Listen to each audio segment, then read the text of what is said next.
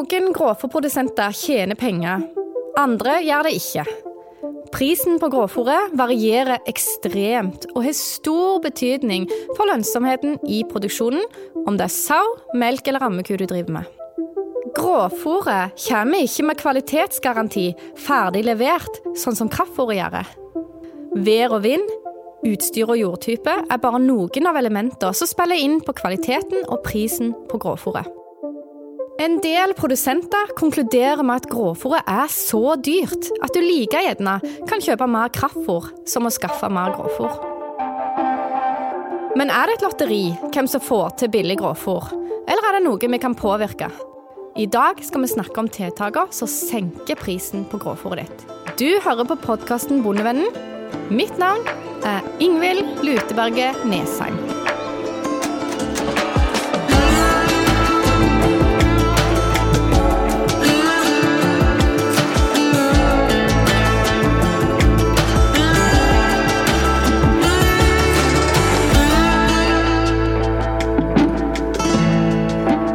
Podkasten Bondevennen blir presentert i samarbeid med Sparebank1 SR-Bank og Tveit Regnskap.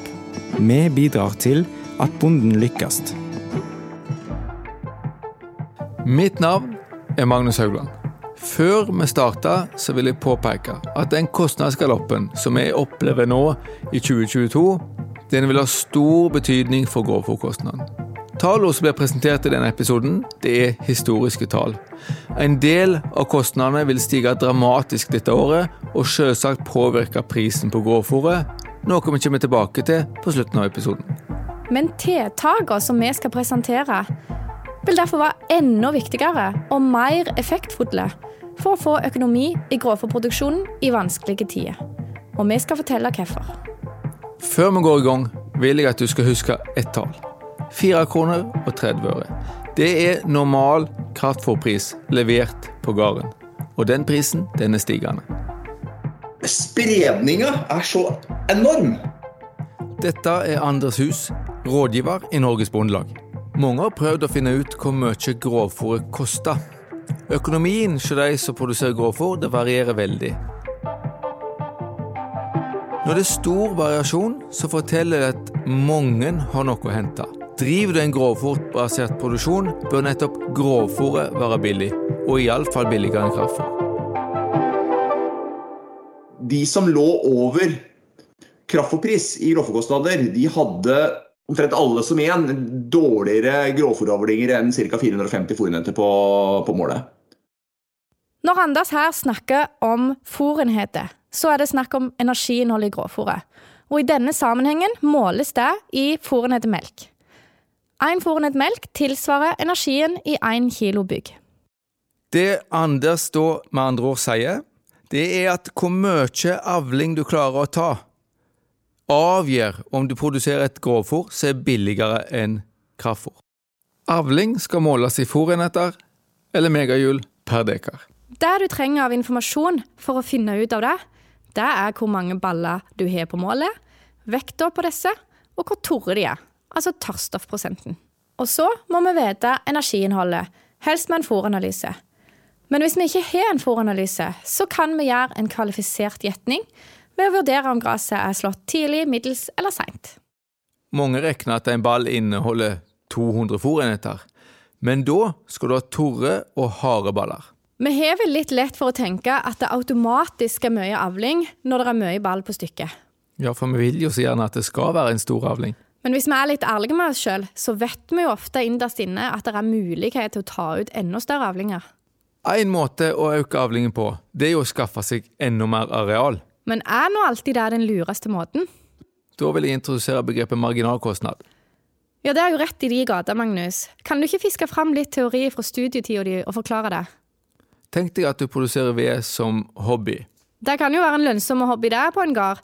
For der har du allerede kjøpt og betalt både motorsaga og traktoren, som står klar til bruk. Kostnadene er da lave. Du sier du produserer veden for 500 kroner, og selger den for 700 kroner per sekk. Men så øker strømprisene, og du ser at du kan få solgt masse ved framover, og du lover ved til halve bygda. Men så viser jeg at for å komme i mål med de siste sekkene, så må du leie en ekstra arbeidskraft. Og da blir det ofte dyrere.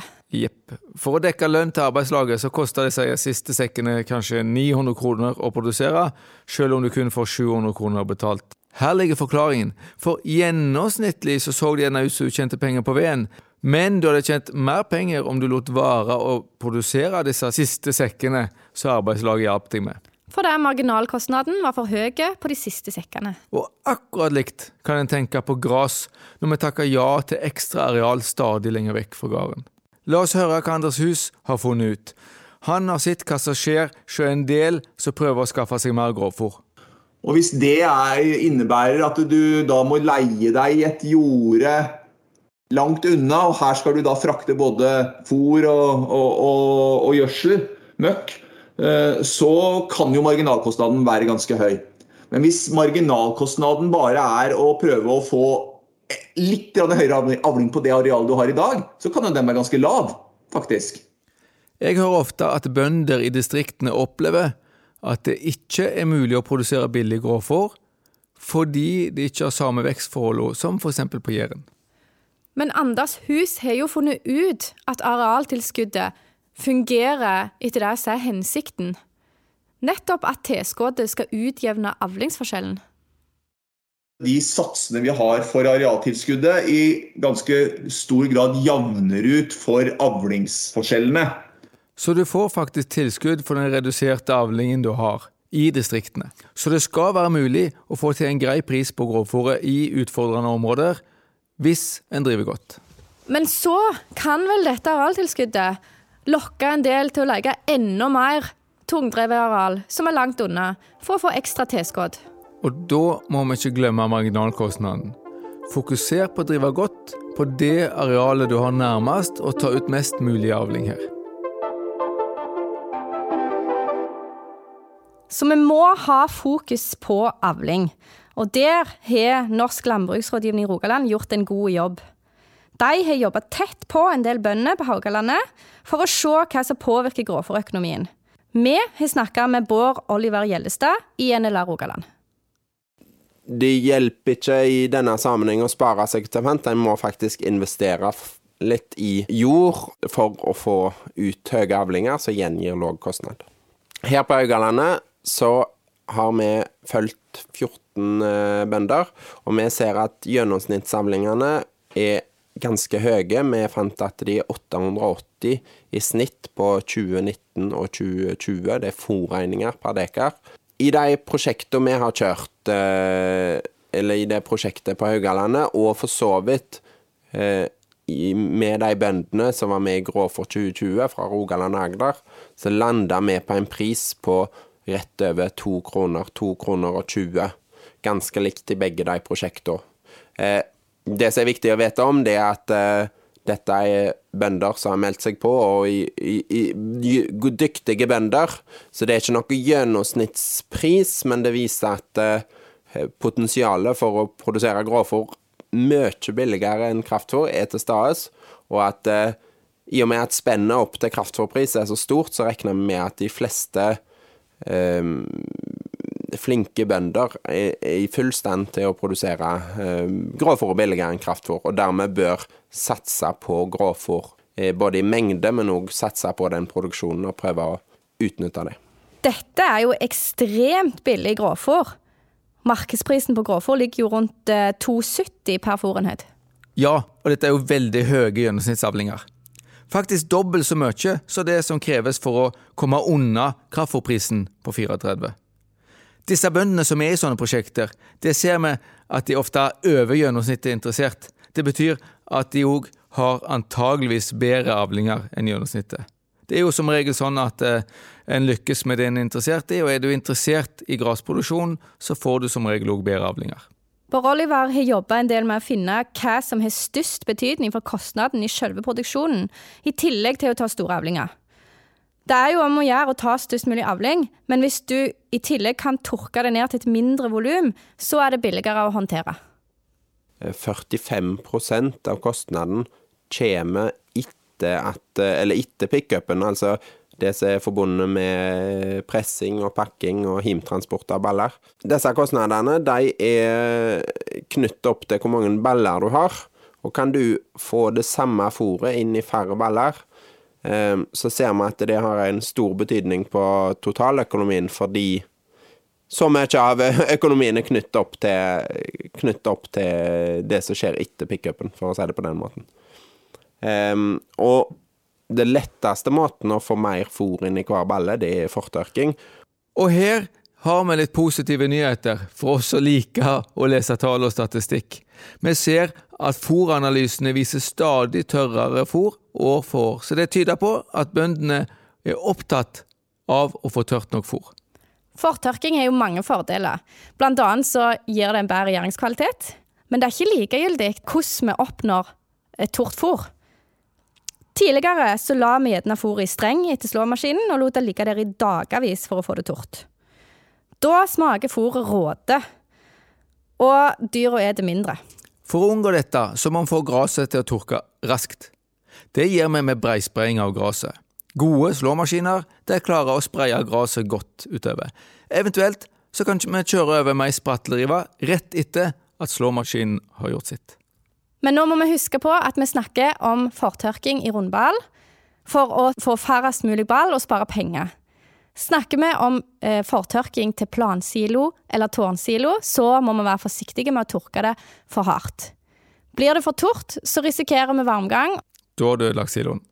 Men dette, dette skal vi komme tilbake til i en egen podkast, for det er et så stort tema.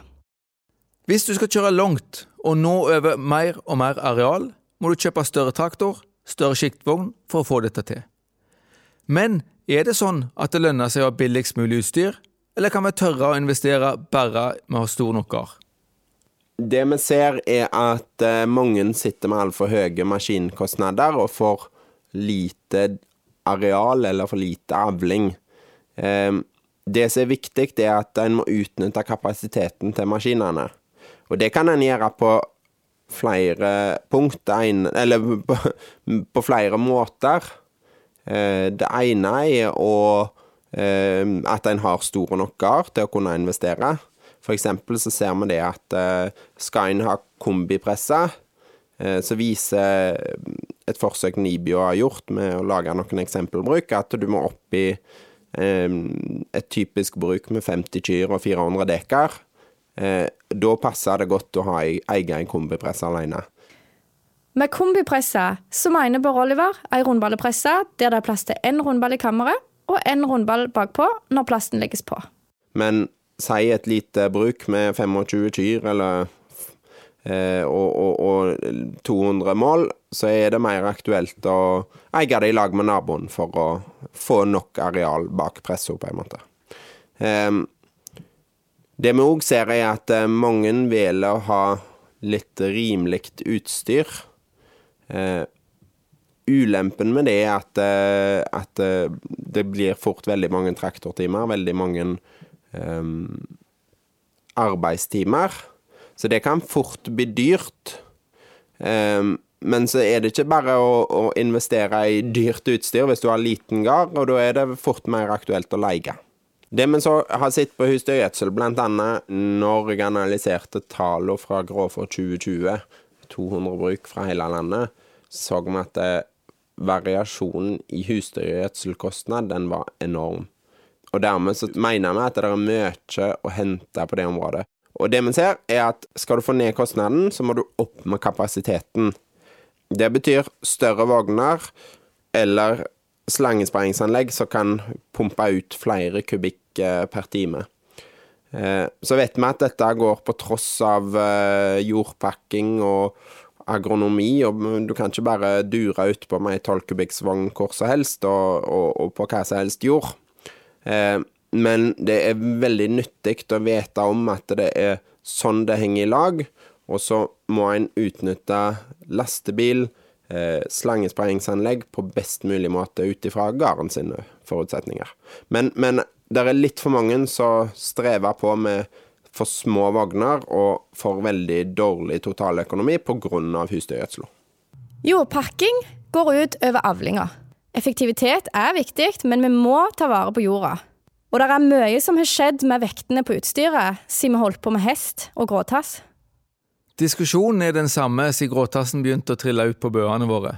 I dag har vi god hjulutrustning og firehjulstrekk, som gjør at vi klarer å komme oss tvers over bøen der gråtassen før kjørte seg fast. Men den store vektøkningen vi har fått på maskinene, gjør at skadene på jordstrukturen blir mye verre nå. Men når det gjelder jordpakking, så må vi fokusere på de tingene vi faktisk kan gjøre noe med. Og der syns jeg Bård Oliver eh, sier det bra. Vi må ha eh, slangespraying på enga og lastebil på veien. En god gammel regel forteller at du kan kjøre 1 km per kubikk med vogn. Det betyr at har du ei 3 kubikks skittvogn, så kan du kjøre 3 km. Tenk hvor mye lenger du kan kjøre med en lastebil som tar mest 20 kubikk. Eller en semitrailer som kan ta over 30. Ja, de triller både fortere og billigere enn en traktor langs veien. Bård Oliver sa at du halverer maskinkostnaden med å få inn naboen på å kjøpe inn en maskin. Og når jeg snakka med han, så var han opptatt av én ting til. Får du med en nabo til i den samme maskinen, så halverer du ikke investeringen en gang til. Den halveringen av investeringen den skjedde bare på første nabo du fikk med deg. Dermed er ikke gevinsten på å ha med halve bygda like stor som å gå sammen to og to. Ja, det er jo litt greit å være obs på. For det når det er mange som skal dele, så blir det jo fort litt konflikt om hvem som skal få bruke det først, og hvem det var som ødela, osv.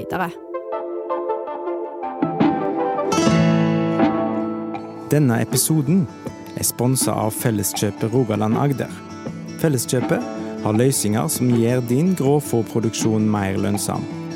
Snakk med våre konsulenter, eller gå inn på nettsidene våre bondekompaniet.no. Men du, Magnus. Vi får stadig servert påstander om tiltak og valg du kan gjøre som skal gjøre grovfòret billigere. For eksempel hvilke frøblandinger du skal velge, hvor ofte du skal fornye, om du skal ha plansilo eller rundball, økologisk eller konvensjonelt, osv. Kan ikke vi gå gjennom disse og se hva som egentlig funker for å lage billigere fôr? God idé, kjør på. Hvis vi begynner med frøblandingene. Hvor mye betyr det for økonomien hvilken sort og hvilken grasblanding du velger? Det sitter langt inne for en grovfòrrådgiver å si dette, men akkurat hvilken grassort du velger, det har ofte ikke all verden å si. Så lenge du har en grassort, så tilpasser det klimaet og den drifta som du har. Altså Det er ikke så nøye om du sår figgjo eller kalibra? Stemmer det. Men det om du får plogen i jorda ofte nok, og at du har nok areal med en ny, god eng, det er det som teller. Hovedproblemet i mange grovfòrområder er at enga er for gammel, og at det pløyes altfor sjelden. Tommelfingerregelen bør, for mange, være at enga skal pløyes hvert sjette år.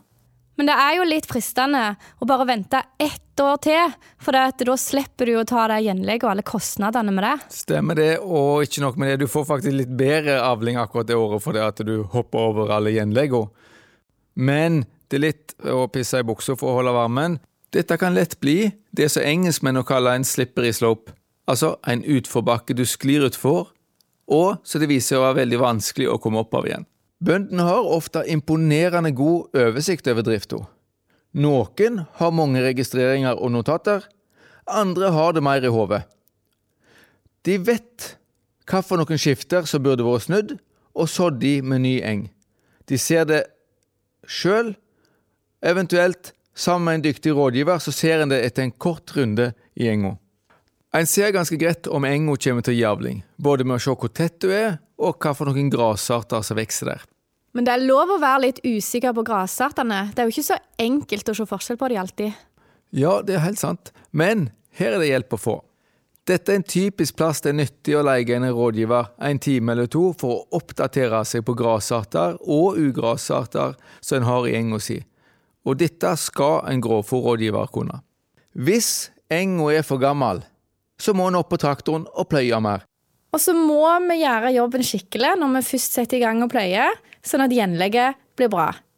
Og hvordan du skal lage et godt gjenlegg, det er et så stort tema at det skal vi lage flere episoder om. Det kan være lurt å sammenligne seg med andre. Har du betydelig mindre avlinger enn andre i bygda, så har du mye å hente. Men å berekne avlingen vi har tatt, det er egentlig ikke så vanskelig. Og hvis du sliter med det, så teller du antall ball eller regner ut volumet på siloene dine, og så ringer du til rådgiveren din.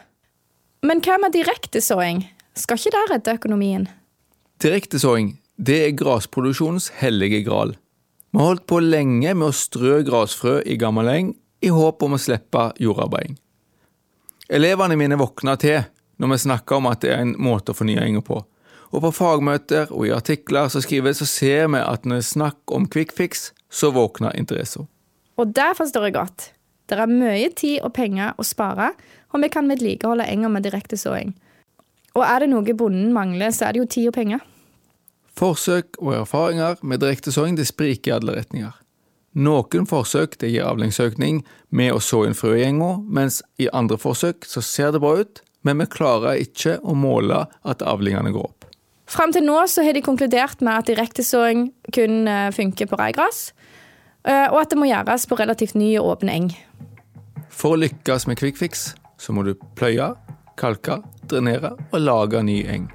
Har du agronomien i orden og relativt ung eng, da kan vi tenke på kvikkfiks, som å så direkte i enga for å øke levetida.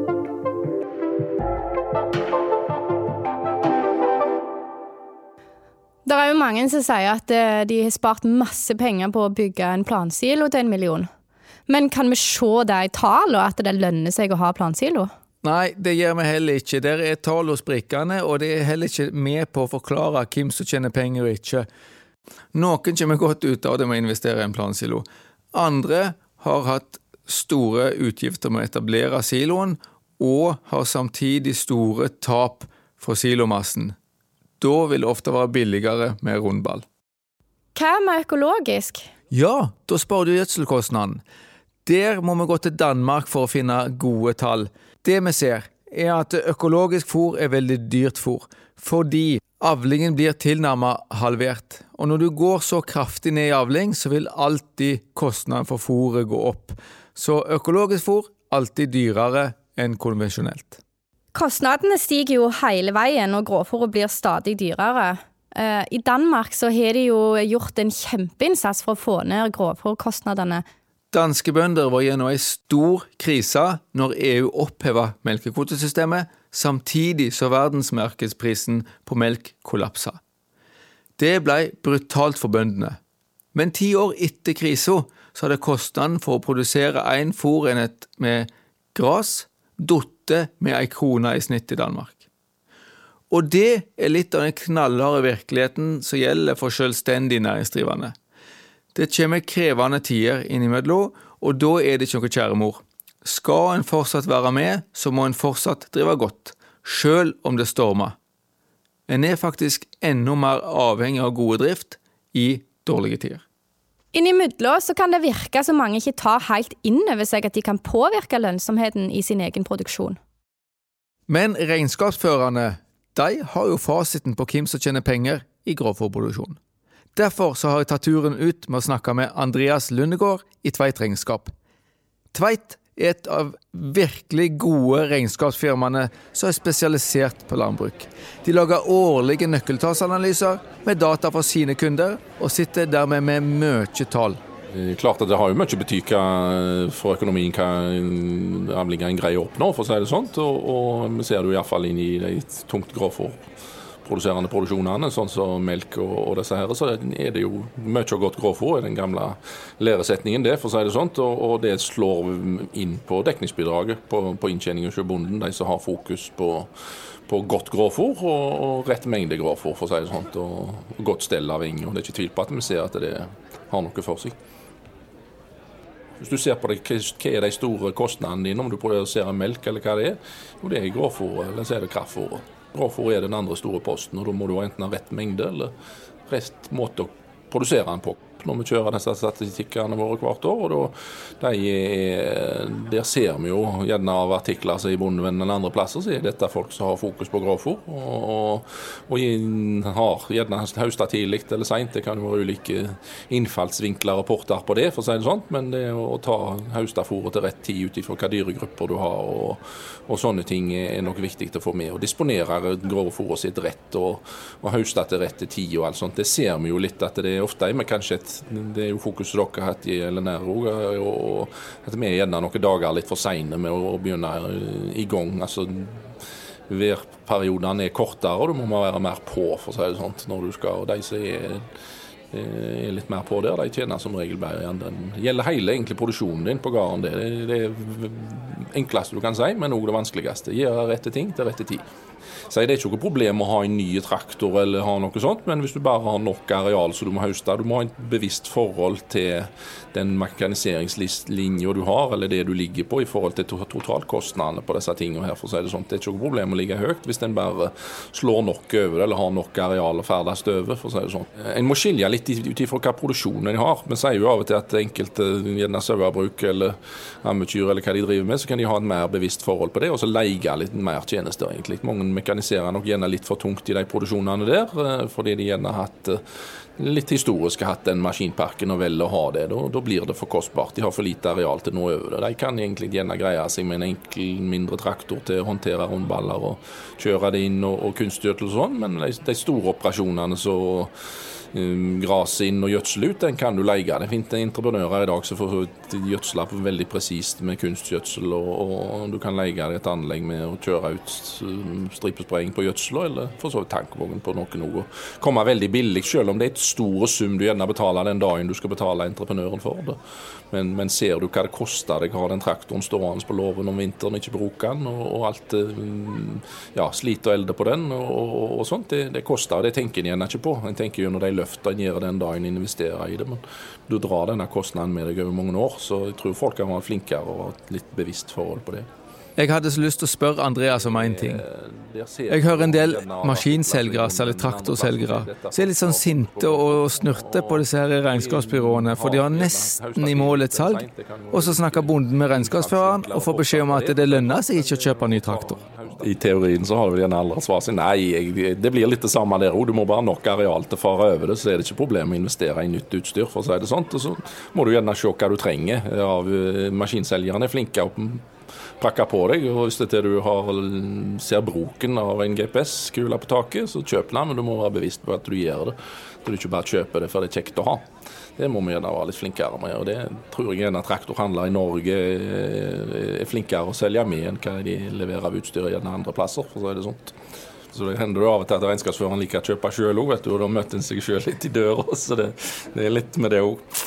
Så vi skal av og til gjøre litt det som er kjekt òg, ikke bare det som er fornuftig. vet du. Så det, det er noe der. Jeg trodde at Andreas fra regnskapsbyrået skulle si at vi aldri skulle kjøpe ny traktor. Men det var feil. Han var ganske positiv til en del investeringer.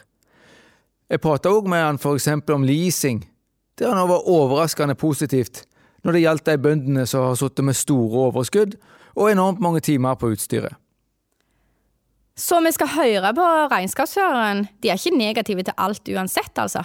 Nei, han var vel så opptatt av at en skal høre på regnskapsfører før beslutningen i realiteten var tatt, sånn at en tar et valg som er tilpassa den driften og den økonomien som en har på gården.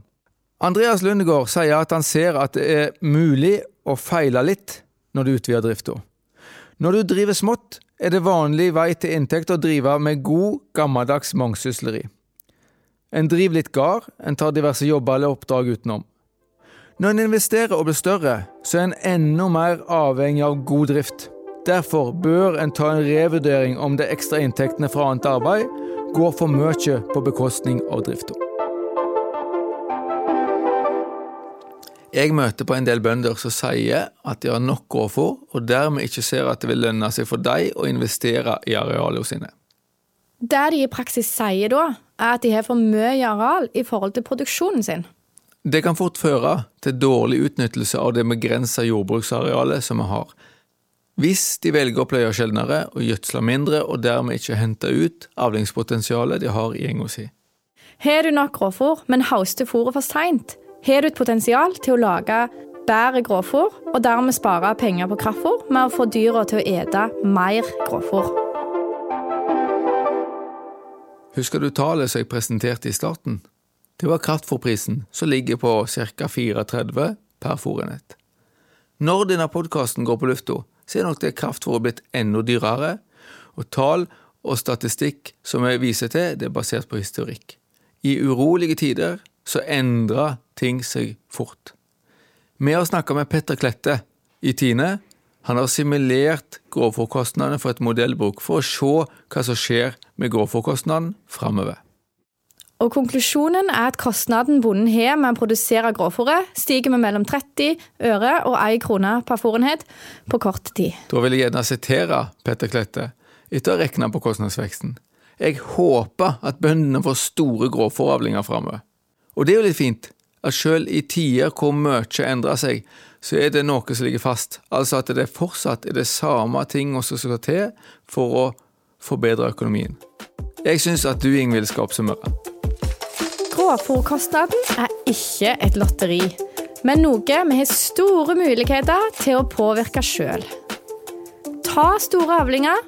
Her er det sjelden quick fix som gjelder, men god, gammeldags agronomi. Tenk marginalkostnad når du skal skaffe deg mer fôr. Kan det være billigere å auke avlingene hjemme, i plassen for å kjøre stadig lenger for å drive mer leieareal? Ved rundballing er det svært viktig å få fortørka godt, sånn at vi får færrest mulig baller. Og skitkjøringa der koster deg altfor mye om du kjører med for ineffektivt utstyr. Å spare seg til fant er ikke løsningen, men investere i arealene sånn at disse gir gode avlinger. Maskinkostnadene må holdes lave, enten med å ha mye fôr å dele kostnadene på, eller ved å eie utstyr i lag med andre, eventuelt leie om du har en mindre drift. Grovfôr er stort sett billigere enn kraftfôr. Vi må sørge for at dyra klarer å ete mye, og vi må tørre å redusere kraftfôret når vi har tilgang på mye og godt grovfôr. Du har hørt på podkasten Bondevennen. Mitt navn er Ingvild Luteberget Nesheim, og jeg er til daglig rektor ved Vinterlandbruksskolen i Ryfylke. Og jeg er Magnus Haugland, lærer og rådgiver i Norsk landbruksrådgivning Rogaland. Og lyd var ved Stig Morten Sørheim i ABC Studio. Har du spørsmål eller tilbakemeldinger, så blir vi glad hvis du sender oss en e-post på podkast at bondevennen.no.